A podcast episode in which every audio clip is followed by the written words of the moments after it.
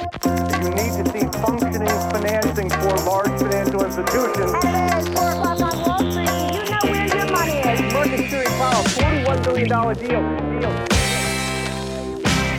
Då är det dags för investerarens podcast nummer 147 i ordningen. Sen sist så har det hänt lite grann. Jag har varit och lyssnat på Skagen Fonders nyårskonferens där bland annat Norel Rubini, eller mera känd som Dr. Doom, gästade med flera. Jag tyckte hans resonemang kring en fortsatt avmattning i ekonomin var sund, men även hans eh, assessment kring riskerna för en eskalering mellan Iran och USA. Fast han ställde upp fyra olika alternativ och tyckte att något av det här kanske är troligt att det infaller. Eh, och han kändes ändå ganska balanserad och väldigt intressant att lyssna på också. Det finns även ett klipp, eh, blev jag varse ikväll Eh, på EFN där de intervjuade honom eh, lite mera ingående så att man kan titta på ett videoklipp därifrån. Jag tycker att det var intressant att Dagens Industri lyfte upp det här på första sidan och eh, skrev en ganska skräckenjagande rubrik som jag faktiskt inte alls tyckte stämde överens med verkligheten med vad som faktiskt sades på den här nyårskonferensen. Men jag antar att det det är liksom, man spelar upp det lite grann bara för att få klick. Det var på första sidan eh, citat Dr. Doom, börsras väntar i nytt kallt krig. Ingen bra värld för någon. Nej, men det känns som att det var lite grann överdrivet kontra vad han faktiskt sa när man var på plats och lyssnade på honom. Men är det så att man tycker att det är intressant att lyssna till honom, eh, så in på, ja det är förmodligen fler som har gjort videoklipp med honom därifrån den dagen. Eh, men det finns ett gäng där ute, det kan vara ganska intressant. Sen var Ericsson där, det var en, en duktig kvinna som hette Pernilla som pratade om 5G och vad som komma skall från det. Och att det är ganska intressant att datorkapaciteten, datorkraften nu flyttar upp i molnet. Jag menar, Eh, vi har eh, pratat en del om Stadia som är eh, gaming as a service eller att man då sätter värstingdatorer i datacenter och sen så streamar man dataspelarna till sin dator så du kan ha det som en hur trött dator som helst. Kanske inte en 486 eh, från den gamla goda tiden. Men en någorlunda hyggligt kass dator. Eh, där du streamar ett spel och det, liksom, det laggar ingenting. Du hoppar in i spelet på några sekunder och det laggar liksom ingenting. Utan ja, det, det streamas ju. Jag menar, vi är ju eh, fullt medvetna om att det går geschwint att streama eh, film från exempelvis Netflix eller Viaplay eller eh, YouTube eller vilken eh, HBO eller vilken plattform man än använder. Men det är liksom en, det är ju en monolog. De skickar ju en signal till din TV eller till din dator så att du kan kika. Men spel, då skickar du en signal till dig och sen så ska du knappa på tangenten och springa någonstans i spelet. Och då ska den ju skicka tillbaka till datorservern som ska skicka tillbaka till dig. Så att det blir ju liksom mera av full duplex liksom, om man så säger. Jag vet inte om man kan använda den termen i det sammanhanget. Men det blir ju liksom en tvåvägskommunikation.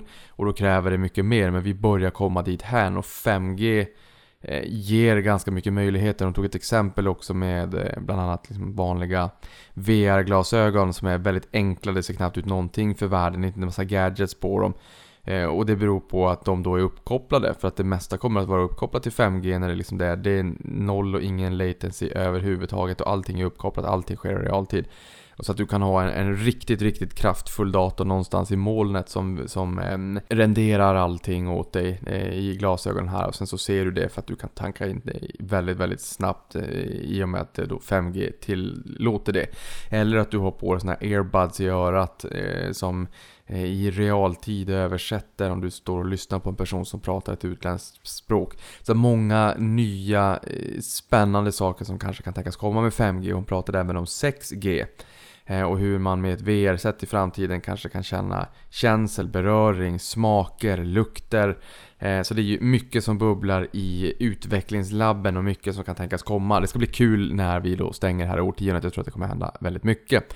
Eh, en annan intressant spaning därifrån också var att en förvaltare på just Skagen pratade om det nya digitala landskapet Eh, och hur vi har gått från de tillverkande bolagen till mer digitala bolag, digitala varumärken och hur vi då kanske inte exempelvis kan använda nyckeltalet price to book.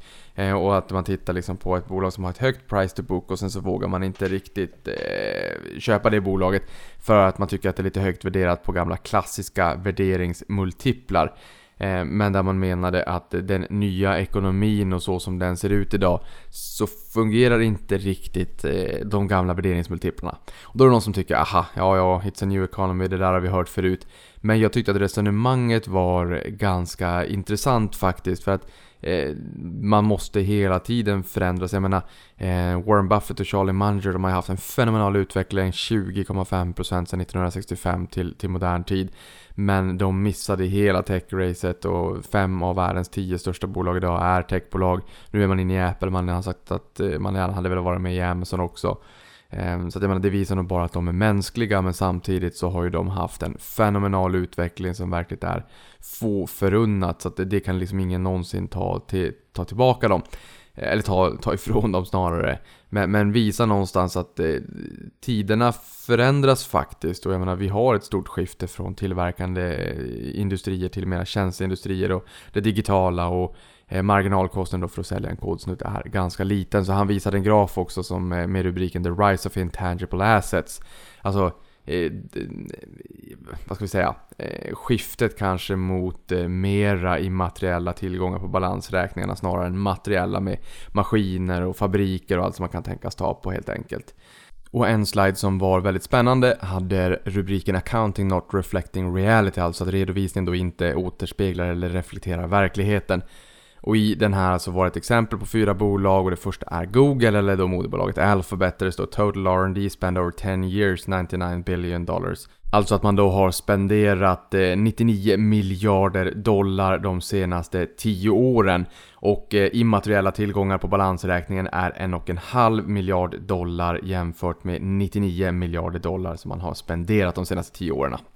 Sen har vi ett annat bolag som heter Edwards. Där har vi total R&D spend over 10 years 3.5 billion dollars. Intangible assets on balance sheet 1.5 billion dollars. Eh, så ett bolag då som har spenderat 3,5 miljard dollar och vi, där har de tagit upp då 1,5 miljard dollar i immateriella tillgångar på balansräkningen helt enkelt. Eh, jag tror att de, skillnaden mellan de där två är att Google är ett extremt mycket större bolag men det är en oerhört liten del av de, de pengarna man har spenderat på R&D eller forskning och utveckling som faktiskt återfinns på balansräkningen. Så att jag tror att så här, key takeaway här är väl kanske att eh, det finns en del dolda tillgångar på balansräkningen. Boeing ytterligare ett exempel som har varit i helt luften tidigare. Nu tror man ju inte att planerna kommer upp i luften för sommaren. Eh, och där står det total R&D spend over 20 years is 60 plus billions, alltså att eh, det man har de pengarna man har spenderat på forskning och utveckling de senaste 20 åren överstiger 60 miljarder dollar. Och intangible assets som balance sheet, eh, alltså tillgångar, immateriella tillgångar på balansräkningen uppgår till 3 miljarder US dollar. Så att en, en eh, tjugondel helt enkelt av det man faktiskt har spenderat. Och då kan man ju ana att det kanske borde vara ett högre värde. Um, Unilever annual spend on brand building 7 billion dollars, intangible assets on balance sheet 7 billion dollars. Så att Unilever har exakt lika mycket immateriella tillgångar på balansräkningen som man faktiskt har spenderat helt enkelt. Så jag tyckte att de där var lite intressanta. Vi har ytterligare ett exempel där han tog upp ett case study på Nike, eller Nike om man så vill. Eh, och tog upp en post på balansräkningen där det står Identifiable Intangible Assets Net 2019 283 miljoner US dollar. Och sen har han tittat på Interbrands Value 2019 Best Global Brands Report som ska vara så gott som en oberoende aktör som bedömer och värderar uppskattat värde på olika varumärken. Och där har han kikat på Nike då som har stigit 7%. Jag tror att det blir ju då, 20, eftersom att det står 2019 här, att då är senaste året. Och där är man upp 7% och där bedömer man att värdet är 32, nästan 32,4 miljarder US dollar. Så från att man har eh, 283 miljoner US dollar på balansräkningen så har man alltså ett uppskattat värde på varumärket på 32,4 miljarder US-dollar enligt den här oberoende firman då som har försökt bedöma värdet på bolaget. Och han, försöker, han gör ytterligare en poäng här där han visar vilka som var de största börsbolagen 1990. Där ettan var IBM, Exxon Mobil, General Electric, Philip Morris, um, Bristol Myers Squibb, Walmart, Merck, Coca-Cola, eh, BP och Procter Gamble. Medan de idag är, som ni säkert vet, Apple, Microsoft, Amazon, Google eller då Alphabet som är moderbolaget, Facebook, Berkshire Hathaway, Alibaba, Tencent, JP Morgan och Visa. Så det är ju helt klart fördel techbolag helt enkelt och någonting som de här bolagen har gemensamt det är ju självfallet att det är väldigt mycket immateriella tillgångar. De är ganska eh, lättviktade när det, lätt viktare när det kommer till, eh, till materiella tillgångar. Det är ju mycket digitalt inslag i de här bolagen. Någonting som jag också tog med mig det var att 1957 så innehöll S&P 500 faktiskt bara tre olika sektorer. Eh, där ah, eh, Industrial stod för 85%, ungefär 25% i Sverige då. Nu Utilities 10% och Rails 5%. Idag vet vi att Eh, det är 11 olika sektorer i S&P 500 och, att ungefär var fjärde dollar eller ungefär 25%, inte riktigt, jag tror att det är 22,5% är techbolag helt enkelt. Så att det är eh, det har varit en intressant utveckling och det gäller ju att hänga med i svängarna om man så säger. Men det var, det var helt enkelt eh, nyårskonferensen eh, och vi ska inte fastna där. Några små korta snabba takes senaste veckan som jag tycker var lite intressant. Nummer ett, Pinterest är USAs tredje största sociala plattform och petar därmed ner Snap från tronen. Eh, Instagram och Facebook är ju by far större men Pinterest och Do It Yourself sociala plattformen med scrapbook-like version Eh, jag tycker att det är väldigt, väldigt roligt. Man känner sig smart. Det finns väldigt mycket lifehacks och do it yourself och spännande efterrätter eller spännande maträtter eller kunna baka det ena eller det andra eller eh, göra upp eld på det här sättet eller 51 olika sätt att göra kaffe eller eh, You name it. Det är en jätterolig plattform för att leta inspiration. Nu är de då tredje största plattform i eh, USA och de kom ju in till börsen i fjol. Sen har vi amerikanska börsen som bjöd på en positiv väs eh, väska, positiv eh, vecka i väskan, absolut. Och Nasdaq, Dow Jones och S&P 500 på all time high nivå. Det här är alltså förra veckan. Så eh, du lyssnar ju på det här eh, i slutet på den här veckan, men förra veckan var positiv då. Sen fick vi vinstvarning från Kindred och en omvänd vinstvarning från Sobi. Jag har kikat upp det här lite närmare också för att rapportsäsongen har ju kommit igång och det är ju ett flertal bolag som då har varit ute och vinstvarnat och inför rapportsäsonger. Och där har vi ju Bonava, Kindred, Proact, Collector har det väldigt jobbigt. Nilörn, Daimler som är världens största lastbilstillverkare. XXL har XXL jobbigt kan man säga. Aston Martin i Storbritannien har det också väldigt jobbigt, ner 75% ungefär från IPOn för inte allt för länge sedan. Men det har varit en hel del vinstvarningar. Eh, omvända vinstvarningar. Idag när det här spelas in så fick vi en omvänd vinstvarning från Bilia och vi har också fått tidigare från Outokumpu som är en ståljätte i Finland. Sobi, omvänd vinstvarning som ägs av eh, bland annat Investor. Invisio, omvänd vinstvarning. Stockman, omvänd vinstvarning. Burberry lyfter sin guidance. Så det har ju varit en del positiva besked också, så det är lite mixed bag. Och det har, jag tycker det har varit ändå en del är omvända vinstvarningar och det innebär ju då att det är lite bättre än vad man har befarat. Så att man säger hörni, det blir bättre än vad vi trodde. Det är roligt och då brukar aktiekurserna också gå upp. Sen har vi sett Alphabet passera den magiska gränsen 1 trillion dollars eller 1000 miljarder dollar i börsvärde eller en biljon om man så vill. Jag gillar att säga 1000 miljarder för det låter mer. Eh, de, passerade den här magiska milstolpen och jag vet också att igår då så passerade Tesla 100 miljarder dollar i börsvärde för första gången någonsin och det här är också eh, någonting som är lite jobbigt för blankarna i bolaget. Och sen så har vi haft guldpriser som har passerat 1600 dollar per Troy Ounce. Jag tror att det är 31,3 gram per Troy Ounce som jag inte är ute och cyklar. Och det här är första gången på nästan sju år och det är ju den politiska oron då mellan Kina och Iran som blåsade upp det här lite grann. Nu är det några dagar gammalt i och för sig. Eh, och den har fallit tillbaka en del och eh, toppnivån här eh, i modern tid är 1912 dollar och det är från 2011 och dit är det kvar då 22,5% när jag kikade upp det här. Så det är alltså eh, väldigt många år sedan, det är nästan ett årtionde sedan och man har fortfarande 22,5% upp till, till eh, break-even nivån. Så att bara att komma ihåg att guld kan säkert vara väldigt intressant om det är så att man vill eh, ha en hedge eller att man vill eh, springa mot en safe haven i tider av osäkerhet eller inflation eller vad det än kan tänkas vara. Men kom ihåg att guld inte skapar något eget inneboende värde och då är det ganska tråkigt när man har suttit på det med nästan ett årtionde och det inte Eh, man inte ligger in the money så att säga. Men hörni, jag tänkte att vi skulle prata om The Great Index Fund Takeover eller indexfondernas akilleshäl. Det är ju så att indexfonderna har fått allt mera kärlek på senare tid. Eh, fondbolagens förening kom med statistik för hur fondåret 2019 såg ut och där såg vi att jag tror att det var 117 miljarder som nysparades. Av det så var det 55 miljarder som gick in i aktiefonder och av det var det 54 miljarder som gick in i indexfonder, det vill säga 98%. Så det är helt otroligt vad mycket pengar som skiftas in i indexfonder. Eh, jag vet inte hur det har sett ut tidigare år, men jag blir lite mindblown. Eh, det är Ja, nu sa jag 117 miljarder totalt, det var 127. Men då 54 av 55 miljarder gick in i indexfonder. 98,2% till och med. Så det är en, en oerhört stor siffra och eh, indexfonder är bra, det är bra för gemene man, man får ner kostnaderna, man får åtminstone en god eh, exponering mot börsen, man får följa med, man låter sina pengar gymma för att öka den finansiella muskelmassan. Men det finns eventuellt lite utmaningar med indexfonderna också eh, och jag tänkte att vi skulle kika lite närmare på det i den här podden. Eh, och det här baseras på en artikel som jag läste i Bloomberg Business Week som heter då The Great Index Fund Takeover. Och det är inte bara i Sverige utan även i USA så är trenden kring indexfonder riktigt, riktigt, riktigt stark. Eh, och det är mer fondkapital i USA som är allokerat mot indexfonder än aktivt förvaltade fonder. Det vill säga det är fördel indexfonder gentemot aktivt förvaltade fonder. Johanna på, eh, på jobbet eh, sa att eh, det, den siffran ligger på runt 20% i Sverige. Det innebär att det fortfarande är fördel aktivt förvaltade fonder i Sverige.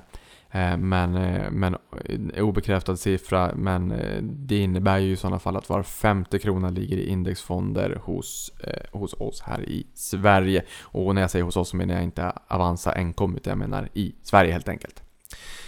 Men det finns många studier, jag tror att många av er nog har läst det, att eh, aktivt förvaltade fonder underpresterar indexfonder över tid. Men eh, jag tycker att det här är lite orättvist att säga sådär att aktivt förvaltade fonder eh, Eh, underpresterar eh, indexfonderna. Jag menar, vi är helt och hållet fullt medvetna om att eh, det finns både duktiga och mindre duktiga hantverkare. Allt, alltså, i och för sig, ska man anställa en hantverkare så blir man nästan livrädd och jag tror inte att det bara handlar om att hantverkaren är dålig, för man kan inte dra alla över en kam, det funkar inte så. Utan det handlar liksom lika mycket om att jag som beställare är inkompetent. Eh, och nu pratar jag om mig själv, jag pratar ju såklart inte om dig. Jag har ingen riktig koll på vad jag ska förvänta mig som lekman om det är så att jag beställer en köksrenovering och det ska rivas kök och det ska sättas upp nytt kök. Ehm, hade vi räknat med att det skulle vara eluttag på de två ställen där det var tidigare när man rev köket? Eller hade man inte räknat med det? Har man räknat med att de ska eh, kakla på ändra sättet eller hela vägen upp i taket eller boxa in ett luftrör eller inte? Eh, det är liksom svårt att veta vad man ska förvänta sig och det är svårt att veta vad man ska göra för att liksom eh, ja, men inte känna att det blir en massa extraarbeten som kostar extra i slutändan. Det, det är jobbigt att vara lekman helt enkelt. Där tycker vi inte att det är något konstigt förvisso att säga liksom att ja, hantverkare, hm, hm, vissa är riktigt, riktigt dåliga, andra är riktigt bra. Men när det kommer till indexfonder, då drar vi alla över en kam och bara säger att indexfonderna är bättre än aktivt förvaltade fonder. Men jag menar, jag har varit i den här branschen i många år trots min ringa ålder. Och jag har haft förmånen att träffa väldigt många väldigt duktiga förvaltare som tycker att det här är eh, inte alla, men många av dem som tycker att det här är oerhört roligt, bland det roligaste de vet, är liksom det är deras hobby, det är deras passion.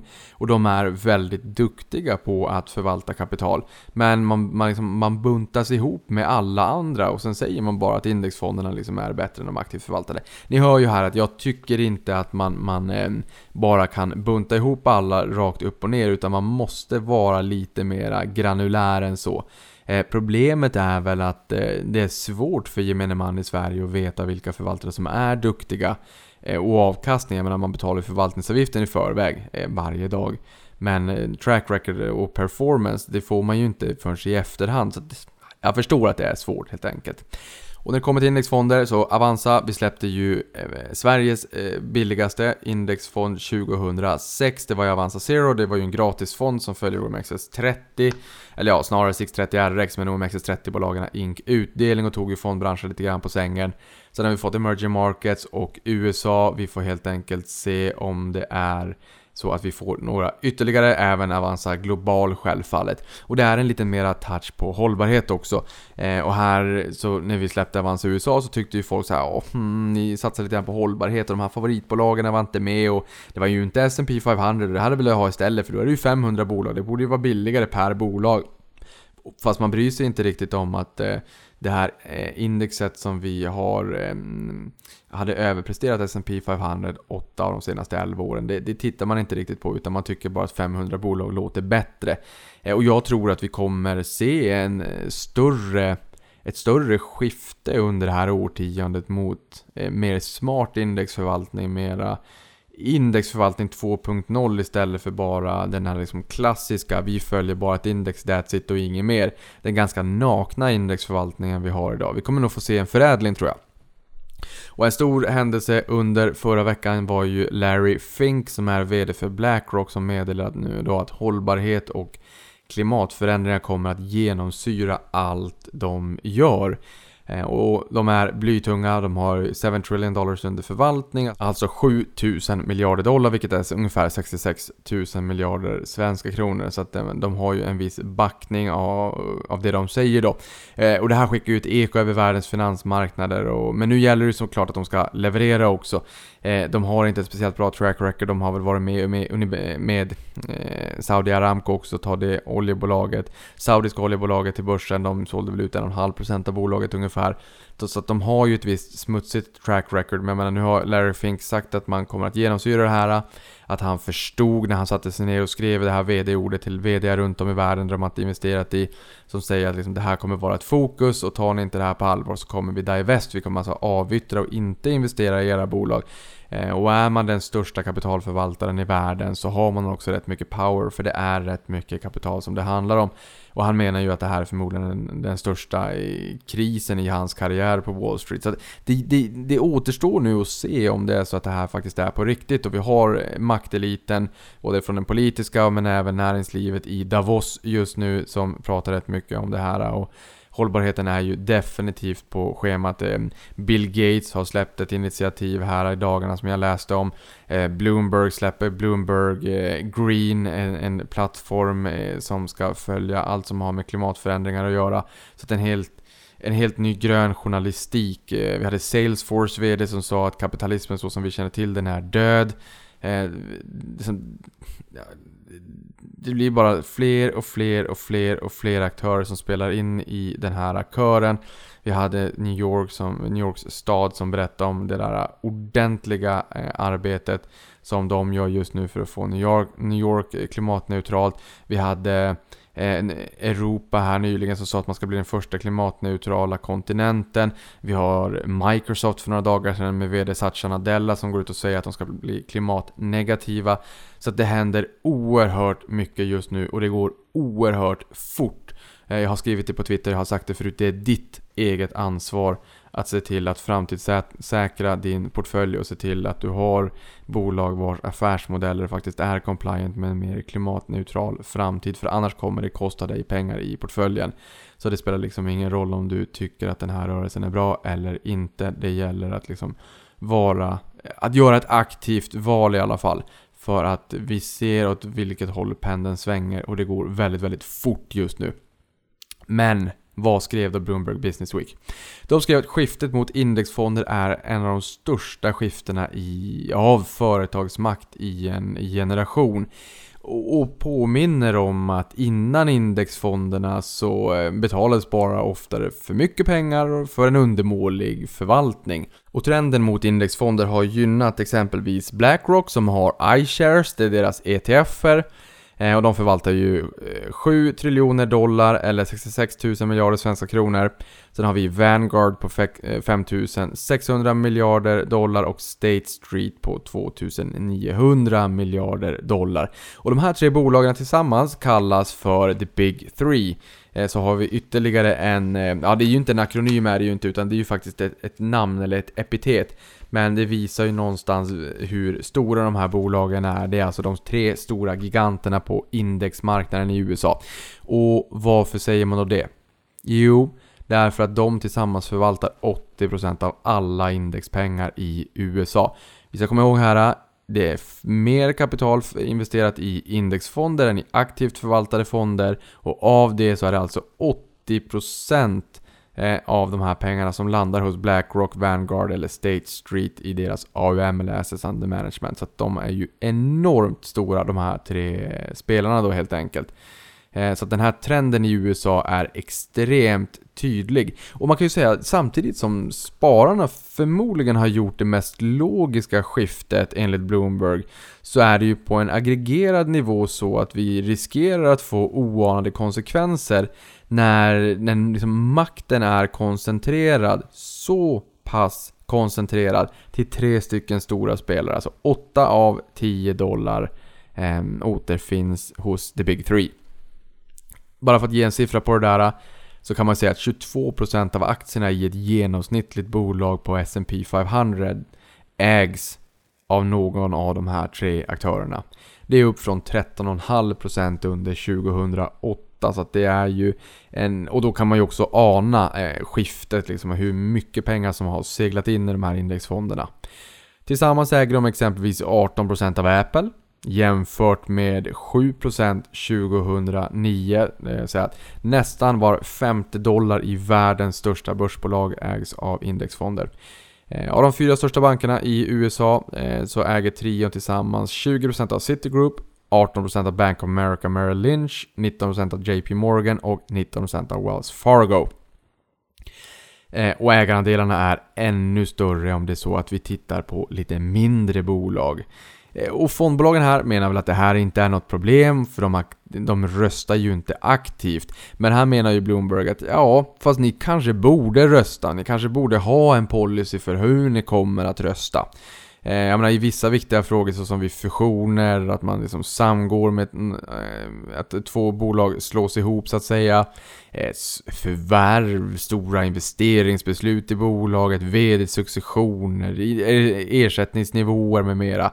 Eh, det, jag menar, det här är nog viktigt att man röstar i de här frågorna eftersom att inte minst att man blir vågmästare om det är så att man har runt en femtedel av rösterna i bolaget, då är man ändå en ganska stor ägare. Eh, och det här är något som har eh, plockats upp allt mer i maktens korridorer i Washington, eh, där man funderar lite grann kring om det är så att det behövs en ökad reglering när det är så pass mycket makt som sitter på så pass få händer. Eh, vi har klimataktivister som beskyller indexförvaltare för att inte göra tillräckligt för att avyttra innehav i exempelvis fossila bränslen. Eh, till svar brukar man ju få att fonden enbart följer sitt index. Eh, och samma sak brukar ju sägas av när många aktivister menar på att fonden borde stoppa absurda ersättningsnivåer till exempelvis VD. Säg att en VD tjänar 500 eller 1000 gånger mer än en vanlig anställd. Eh, men det där är man inte så duktig på. Så det finns mycket kritik till bolagen. Vi får väl se om de tar till sig det. Nu har ju Blackrock lovat finansvärldens största förändring på klimatområdet. Så att det återstår ju att se vad som händer nu. Jag menar, nu har man ju... Eh, nu har man ju liksom... Eh, nu har man ju rullat ut bollen på spelplanen. Nu gäller det ju också att se att Blackrock faktiskt levererar.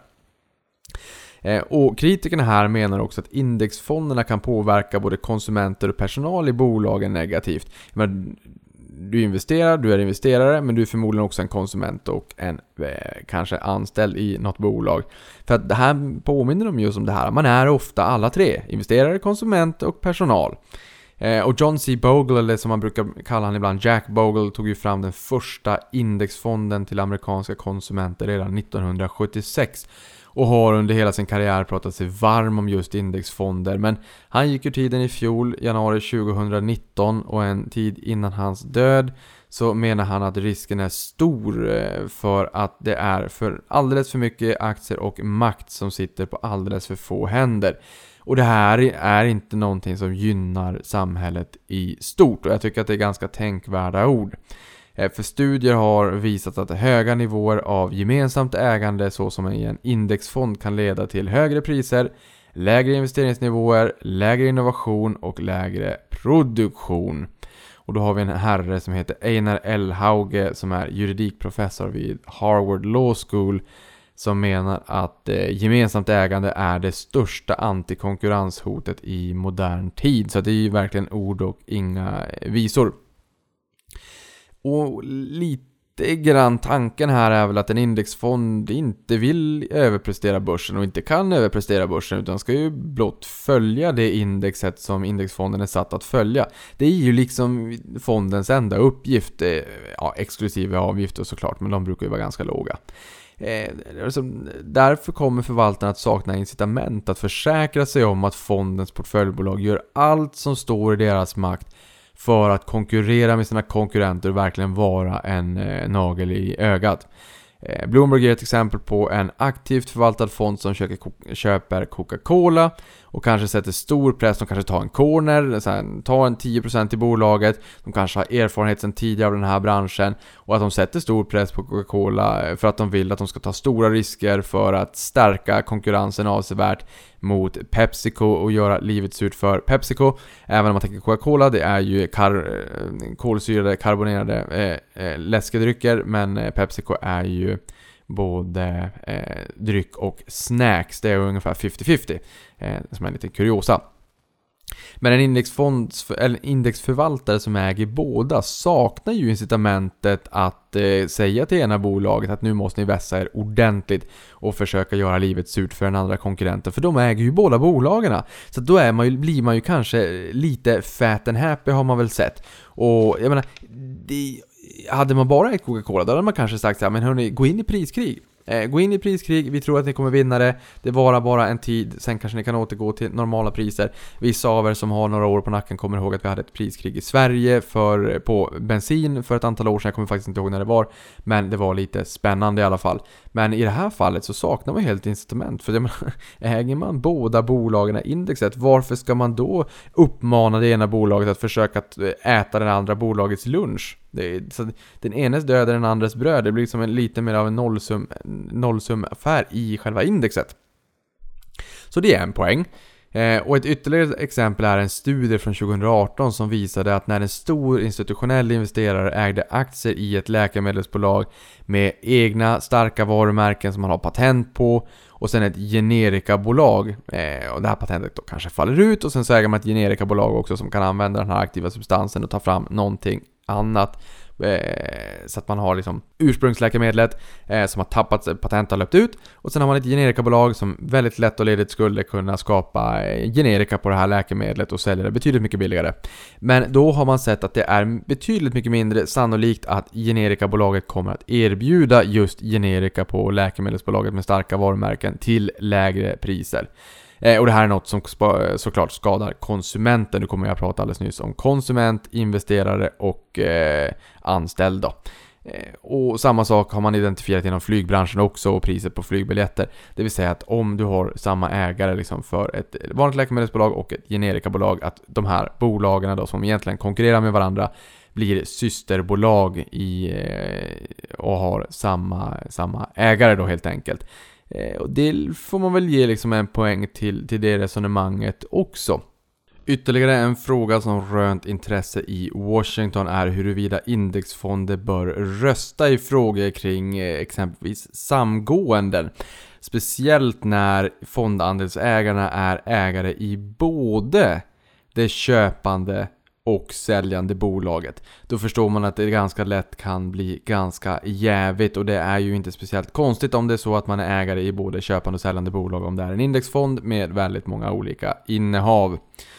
Ehm, så istället för att bara luta sig tillbaka och blint följa index så kan indexfonder välja att påverka bolagens styrning genom att arbeta fram policies kring ersättning till ledande befattningshavare Eh, koldioxidutsläpp, sätta kappningar på koldioxidutsläpp, arbeta med jämställdhet och andra eh, ägarstyrningsfrågor. Eh, så det, det, finns några exempel här på när de här Big Three äger en stor del av ett bolag. Jag nämnde där tidigare att de äger 22% av, i snitt av aktierna i S&P 500-bolagen. Väldigt mycket av Apple, väldigt mycket av storbankerna i, i USA också. Låt mig ta några exempel för att exemplifiera. På JP Morgan Chase så ser vi att Vanguard ligger på 8%, eh, Blackrock 6,7%, State Street 4,7%, Exxon Mobile eh, hittar vi Vanguard på 8,3, sen är det 6,7 Blackrock, 4,7 State Street. Eh, Apple, där har vi Vanguard som är störst på 7,8%. Eh, Blackrock 6,4, State Street 4,2. Eh, och sen har vi eh, Lockheed Martin som är ett eh, försvarsbolag. Där har vi State Street på 15,4%. Eh, Vanguard på 7,8%. Blackrock på 6,4%. Johnson Johnson, Vanguard 8,6, Blackrock 7,2, State Street 5,8. Eh, Microsoft, eh, Vanguard 8,1, Blackrock 6,7, State Street 4,1. Och sist men inte minst exempelvis då Amazon, Vanguard har vi, ja, Jeff Bezos 11,6. Sen har vi Vanguard 6.4, Blackrock 5.3 och State Street 3.4. En reflektion som jag drar över det här som jag tycker är ganska intressant det är att vi har inga problem att äga indexfonder eh, i varken Sverige eller USA. Men däremot vi som är stockpickers, vi gillar ju det här med ägare av kött och blod och att då VD gärna också följer pilotskolan och har ett stort ägande i bolaget. Men vi gillar inte riktigt om vi ska stockpicka bolag om det är så att vi ser att eh, ägarlistan är fylld med stora fonder för då tycker vi att det är tjänstemannakapital och vi tycker att ah, äh, det där är inte bra. Mm, äh. Och vi, vi vill ju liksom hellre hitta en stark ägarlista helt enkelt. Men jag menar, visst det finns ju exempel också på, ta exempelvis Intrum Justitia, de ägdes ju Ehm, i mångt och mycket av eh, fondkapital så att säga. Och var ju det, det man ibland i media ser som eh, tituleras herrelösa bolag. Sen så eh, blev det ju en affär då mellan Intrum Justitia och Lindorf med Nordic Capital. Så nu heter de ju mera bara Intrum nu för tiden. Men det finns ju liksom exempel på att det, man, det kan vara värdeskapande självfallet. Men, men oftast så, så vill vi ju ha de här ägare av kött och blod på ägarlistan då i bolagen som vi, vi tittar på när vi stockpickar. Men samtidigt så har vi inga problem att äga mycket indexfonder men vi vill inte möta dem i ägarlistan helt enkelt. Eh, I USA så var det bara 10% av de aktivt förvaltade fonderna som överpresterade index under de senaste 15 åren. Eh, och Vanguard 500 Index har 405 miljarder dollar i tillgångar och nu är det 380 olika fonder som följer det här indexet. Vi har ju John C. Bogle som då grundade Vanguard och eh, tog fram den första indexfonden 1976 med S&P 500 som underliggande. Eh, det har ju varit fantastiskt eh, och nu är det ju väldigt många andra eh, fonder som också följer S&P 500 då.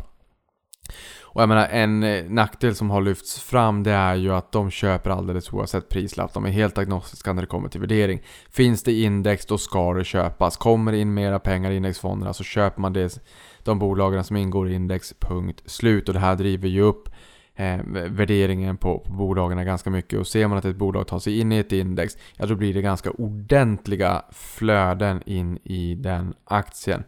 Eh, men tvärtom så betyder det att i sämre tider när det skakar på marknaden och alla trycker på sälj exakt samtidigt för alla får ont i magen ungefär. Ganska synkroniserat så säljer ju alla samma tillgångar också samtidigt.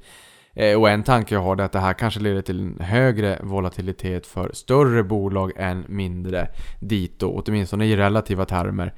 För att är det så att man investerar i Sverige på alltså internationellt kapital, indexkapital, då kanske man föredrar lite större bolag i Sverige. För även de stora bolagen är ju i relativa termer små. Men det man vill åt är ju också likviditeten. Så att det kan leda till kanske lite högre volatilitet på de lite större bolagen. Det här är ju någonting man lyfter upp där med non-farm payroll-siffran. Amerikanska sysselsättningssiffran som kom 2 februari 2018 och stökade till det på marknaden den 5 februari 2018 riktigt ordentligt. För de som kommer ihåg det. Det är någonting vi säkert kommer att se lite mer av även om eh, exempelvis VIX-index nu, eller skräckindex som det kallas, är ju eh, väldigt lugnt. Vissa oroar sig också att indextrenden leder till en högre makt för bolagens VDR eftersom att indexfonderna i egenskap av ägare då är rätt tysta. De är liksom rätt passiva. Eh, och en studie här har visat att indexfonderna mycket sällan sätter sig på tvären när det gäller ma frågor alltså merger and acquisitions och när det gäller ersättningsfrågor till ledande befattningshavare. Ehm, så att det är intressant också att man är lite tyst och då kanske VDarna känner att de får lite mer svängrum och kan göra lite mer som de vill utan att få eh, en knäpp på näsan eller smäll på fingrarna. Eh, och här har vi en professor, Lucian Bebchuk, som är juridikprofessor vid Harvard som pekar på att indexförvaltare inte har incitament att lägga ner tid på att följa och utveckla bolagen. Och det här är intressant. Det han menar är att det här är eftersom att ett ökat värde på ett av portföljbolagen också innebär ett ökat värde på hela index. Så om den här personen, om han eller hon skulle lägga ner mycket tid på att försöka skapa värden och säga liksom till bolagen, träffa bolagen och säga att jag har en erfarenhet av det här och det här, jag tycker att ni skulle fundera på det här och ni borde göra så här och så här. För jag tror att de här olika momenten är värdeskapande för, eh, för bolaget helt enkelt. Eh, Så att det är ju bra för bolaget men det finns ett litet problem här eftersom eh, att alla gynnas. Därför att ett ökat värde på index det gynnar ju alla indexfonder som följer det här indexet. Så att säga att vi har en förvaltare som är oerhört duktig på att skapa och, och lyfta fram dolda värden i olika bolag. Ja, vi hade ju 380 bolag, eller 380 fonder då som följde S&P 500. Vi leker att det är ett bolag som är extremt duktiga på att, liksom, på att eh, förädla bolagen. Varför ska det bolaget lägga ner massor av tid och energi på att försöka få det här bolaget som ingår i indexet att bli ännu duktigare så att hela värdet på indexet lyfter, alltså på S&P 500 för att just det här bolagets värden lyfts fram till ytan. Det, för det gynnar, det gynnar ju alla indexfonder som följer det här indexet. Det gynnar ju alla. Så att det här blir lite grann för er som är så pass gamla att ni känner till begreppet allmänningens tragedi. Allas ansvar är ingens ansvar. Det är lite grann som på jobbet om eh, det bara är överbelamrat med, med kaffemuggar och det står en diskmaskin där och det går att fylla diskmaskinen, det går att tömma diskmaskinen. Men allas ansvar är ingens ansvar och sen så blir det liksom inte av. Eller att du har en gräsmatta och den håller du jättefin men gräsmattan precis utanför som är kommunens eh, som alla går på och som ingen riktigt bryr sig om, den ser inte lika fin ut. Det blir allmänningens tragedi helt enkelt. Eh, och jag tycker att det här är intressant. Jag, jag, köper helt och hållet argumentet. Alltså om en, eh, om en enda förvaltare, varför ska den förvaltaren lägga ner tid och energi, tid och pengar? Därför att alla andra förvaltare, indexfonder som följer samma index, de gynnas och åker räkmacka på allt det här arbetet som den här duktiga förvaltaren lägger ner. Och då kan man ju fundera på, what's in it for me? What's the bang for the buck för den tiden jag lägger ner helt enkelt? Eh, ja, jag tycker att det är relevant. Och då kan man ju tycka så här, ja men det är väl klart att de ska skapa värde så här, Ja, fast när incitamenten inte riktigt finns på det sättet om man bara tar betalt för att tracka ett index, då får man kanske inte heller det incitamentet och då kommer det förmodligen inte eh, göras. Ehm, och The Big Three har exempelvis varit mindre sannolika att rösta i favör för ESG-frågor som inte minst är på tapeten just nu, såsom klimatrelaterade utsläppstak i bolagen etc. Ehm, och det här är alltså mycket lägre nivåer än aktivt förvaltade fonder. Så att indexfonderna kanske fortfarande gömmer sig bakom men vi är en indexfond. Vi följer bara bolagen som går in, ingår i index. Eh, där ingår det bolag med, i branscher med fossila, fossil energi. Eh, men bolagen är ju duktiga för de håller ju på att ställa om och allt vad det kan tänkas vara. Det kan ju vara ett vettigt argument. Men man gömmer sig mycket liksom bakom att vi följer bara indexet och det är därför jag tror att vi kommer få se indexförvaltning 2.0 i år. Och mera touch av hållbarhet precis som Avanza har gjort i de fonder man nu senast har släppt. Jag tror bara att det kommer bli viktigare och viktigare going forward och jag tror också att den enskilde konsumenten kommer att kräva det. Sen om man är beredd att betala mer för det här, det vet jag inte. Och kommer det kosta mer? Det vet jag inte heller. Det, det återstår liksom att se. Eh, och tolka inte det där som att det har varit någon diskussion på Avanza om att höja avgifter etc. Där, det finns, det är eh, liksom noll och ingen extrapolering av den där informationen utan jag spånar liksom bara fritt USA eller Sverige eller vad den kom, ska tänkas vara. Eh, vår hållbarhetstouch har ju kommit till lägre prislapp än konkurrenterna ute i branschen helt enkelt. I den här artikeln bjöd man också på ett citat från eh, Vice President Al Gore som told the Financial Times in December Do they want to continue to finance the destruction of human civilization or not? Och det är ju en intressant spaning som jag sa här nyss också att vi stockpickers älskar ägare av kött och blod samtidigt som vi gärna äger indexfonder men vi vill inte samäga bolag tillsammans med indexfonder i ägarlistan helt enkelt. Eh, och jag tror som sagt att vi kommer att få se en förädling av indexfonderna. Det finns säkert de som kan svara mycket, mycket bättre på det här än vad jag kan, vad, vilka trender vi ser och sådär. Men om några år framåt när vi blickar tillbaka på det här poddavsnittet så tror jag att vi har sett en del, eh, eller säkert ganska mycket som har hänt i och med att det är så pass mycket pengar som flödar in i indexfonderna och i och med att vi har eh, rönt en del intresse i maktens korridorer i Washington då när det kommer till indexfonder där. För det som händer i USA det brukar ju förr eller senare återspeglas i Sverige också. Så att vi får väl se vad som händer där helt enkelt. Men summa summarum, jag tycker indexfonder är jättebra. Jag tycker att det är ett superbra sätt att ta sig in på marknaden, exponera sina pengar för marknadsexponering. Eh, det är en billig prislapp, man vet vad man får. Du kommer inte överprestera index men du kommer heller inte underprestera index. Eh, så att indexfonder har demokratiserat och liberaliserat sparande men utmaningen här är väl liksom att det som är bra för den enskilda individen har vissa utmaningar på aggregerad nivå eh, som även John C. Bogle, grundaren av Vanguard, som då släppte första indexfonden i USA med S&P 500 som underliggande 1976 det vill säga att för mycket makt riskerar att sitta på alldeles för få händer. Alltså vi får en alldeles för stor maktkoncentration. Och det är förmodligen inte till gagn för samhället i stort. Så jag tror att vi kommer få se en, en, en ökad diskussion men även kanske då en omdaning av indexförvaltning. I och med att det är så pass mycket pengar som går in i indexförvaltning både i USA och i Sverige. Men med det sagt så är det dags för ett litet nyhetssvep. Och då kan vi säga att glassen Ben Jerry som ägs av Unilever lanserar glassen Netflix and Chilled. Som man spelar på verbet Netflix and Chill. Som innebär att eh, två bolag i akronymen nu FANG som drog in runt 2000% förra årtiondet har verb. Det första bolaget som har eh, förärats med ett verb är ju Alphabet och man brukar säga att googla. Och det andra är då eh, Netflix and Chill eh, helt enkelt. Sen har vi Stockholmsbörsen som handelsstoppar den extremt illikvida aktien huvudstaden C som är en eh, evil twin till huvudstaden A om man så vill. Aktien har stigit 354% senaste kvartalet och 2090% senaste tre åren. Eh, och aktien omsätter några tiotusentals eller hundratusentals kronor och stiger kraftigt. Det är alltså en extremt dålig likviditet. Det är en lekstuga. Eh, och har, jag har fått frågan också varför storägaren inte, eller storägarna inte säljer aktien och köper A-aktier istället. Men då vill jag att man kommer ihåg att C-aktien har 100 röster och A-aktien har en röst. Samt att storägarna inte kommer ut ur sin position med några tiotusentals kronor i volym. Eh, så ska du röstmässigt likställa de här så krävs det ju 100 A-aktier för nästan 20 000 för att jämföra en C-aktie för 4 500 kronor en aktie som stod i runt 200 spänn sommaren 2017. Men det är oerhört liten omsättning, alltså det är, liksom, det är löjliga summor som driver upp eh, kursen på A-aktien. Men vi ska komma ihåg att det är en 100, en, eh, en C-aktie har 100 eh, röster och en A-aktie har en röst. Så det är liksom 100 eh, eh, röster i skillnad per aktie. Och en storägare är nog knappast intresserad av att sälja eh, A, sälja aktier i eh, huvudstaden C för några tiotals eller hundratusentals kronor för att få A-aktier istället. Utan det är ju rösterna man vill ha. Sen har vi Sobi som rusar efter omvänd vinstvarning och man meddelar att intäkter och ebita blev högre för 2019 än tidigare estimat.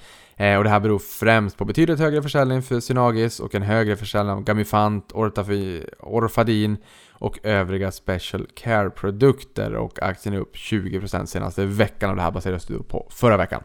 Eh, har du inte investerat i bolaget men äger, aktien i, äger aktier i Investor så kan jag ju som sagt då glädja dig med att det är ett portföljinnehav där också.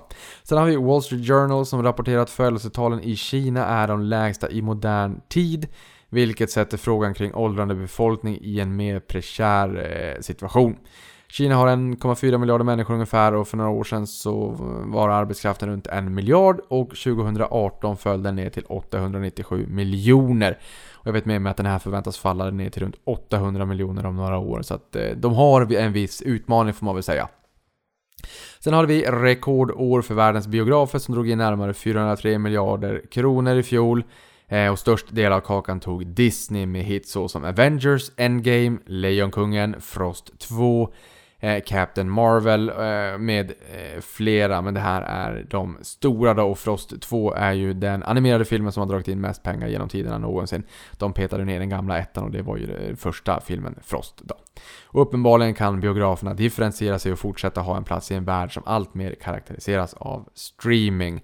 Men eh, det är väl eh, liksom vanlig traditionell eh, tablåbelagd linjär TV som tar stryk medan man vill ha de här två ytterligheterna, bioupplevelsen och streaming hemma i soffan. Sen har vi Vietnam som tar krafttag mot rattonykterhet och skärper straffen. Det här är något som fick Heinekens försäljning att dala 25% i landet som är en av deras viktigaste marknader. Och det här är nog ett praktexempel på när samhällsnytta går före aktieägarnytta. Att försäljningen går ner 25% för att man skärper straffen för rattonykterhet är inget annat än väldigt anmärkningsvärt. Sen har vi Nischbanken Collector som rasade 21% efter negativa besked om kreditförlustreserveringar om 800 miljoner kronor eh, nedskrivningar om 150 miljoner kronor och att man meddelar en företrädesemission. Storägaren Erik Selin som föreslås här då till ordförandeposten lovade i en intervju med Realtid att bolaget aldrig mer ska ta in pengar och nu då skifta fokus från tillväxt till avkastning. Och med de orden så är jag klar för den här veckan. Vi kommer nog höras om några dagar bara igen. Eh, så att jag säger ha en trevlig fredag och avkastning på er.